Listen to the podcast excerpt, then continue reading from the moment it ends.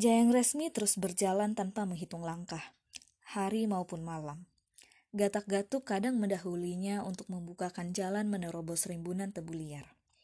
Mereka meniti jembatan gantung rotan ke seberang jurang penuh kerumunan binatang berbisa, bersorak keras menggaruk borok mereka di rerumputan.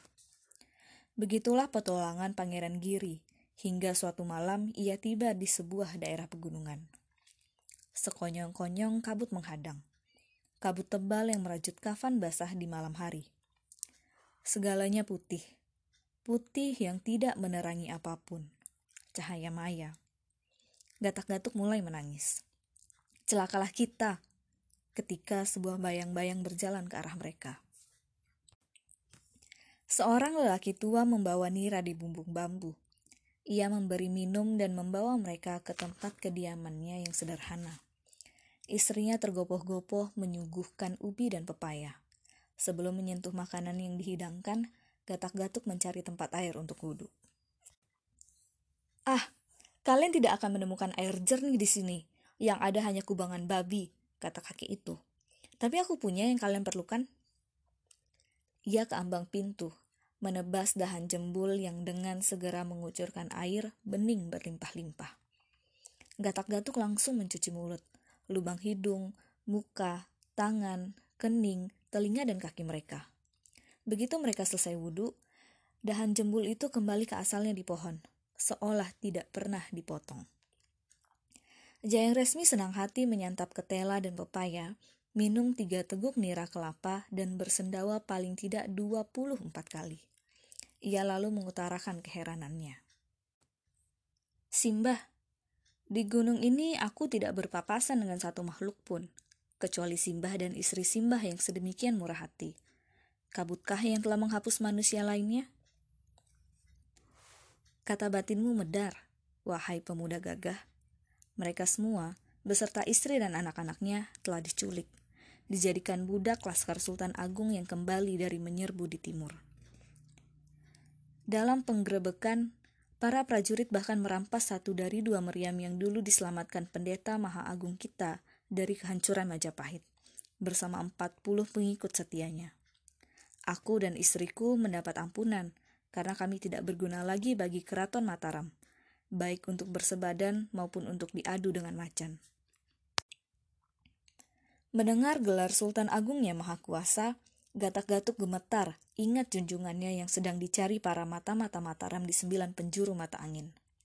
Jayeng Resmi memberi isyarat agar mereka menutup mulut dan bertanya.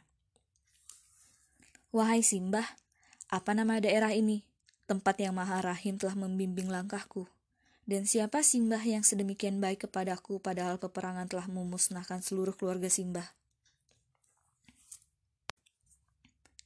Namaku Kiwisma dan agamaku Buddha. Demikian juga semua penduduk gunung ini. Ketahuilah bahwa kamu berada di kerajaan Medang Kamulan yang tersohor itu, yang menurut nenek moyang merupakan asal segalanya. Bila kabut menghilang bersama terbitnya matahari esok, kamu akan bisa melihat Gunung Bromo, tidak begitu jauh dari sini ke arah selatan. Di kawahnya lah, Brahma menempa jagat. Ia juga menempa kerajaan Medang Kamulan dan Ajisaka, satrianya. Cerita Ajisaka sedemikian indah sehingga orang yang mendongengkan dan mereka yang mendengarkan merasa semakin baik nanti. Sebab cerita itu memperbaharui sumpah berdua yang dulu disahkan oleh Nabi Muhammad dan Ajisaka di Masjid Agung Mekah.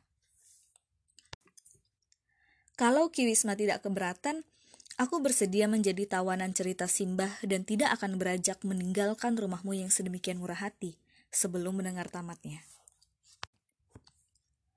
Angin wingit menerjang daun pintu. Pohon-pohon bambu raksasa gemetar di malam putih. Gatak-gatuk yang ketakutan dengan segera menerkam potongan ketela dan melahapnya untuk memenuhi perut mereka, sehingga Seandainya angin petualang kebetulan mencoba menerobos, kecelek. Usus besarnya telah ditempati. Ki Wisma membakar kemenyan di daun pisang dan mengundang roh gunung. Hong Mandara Giri, kami sampaikan salam hormat dan menghaturkan sari persembahan, yaitu kata-kata bersejarah ini. Pikiran dan sikap tunggal di dalam jiwa kami. Kalau ada kekurangan dalam kata-kata kami, mohon ditambahi.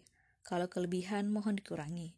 Semoga roh penguasa raga merasuki sembilan lubang, meredakan nafsu jiwa kami dan melimpahkan ampunan pada air kayangan yang menebarkan keindahan di arusnya. Dan Ki Wisma pun mulai bercerita.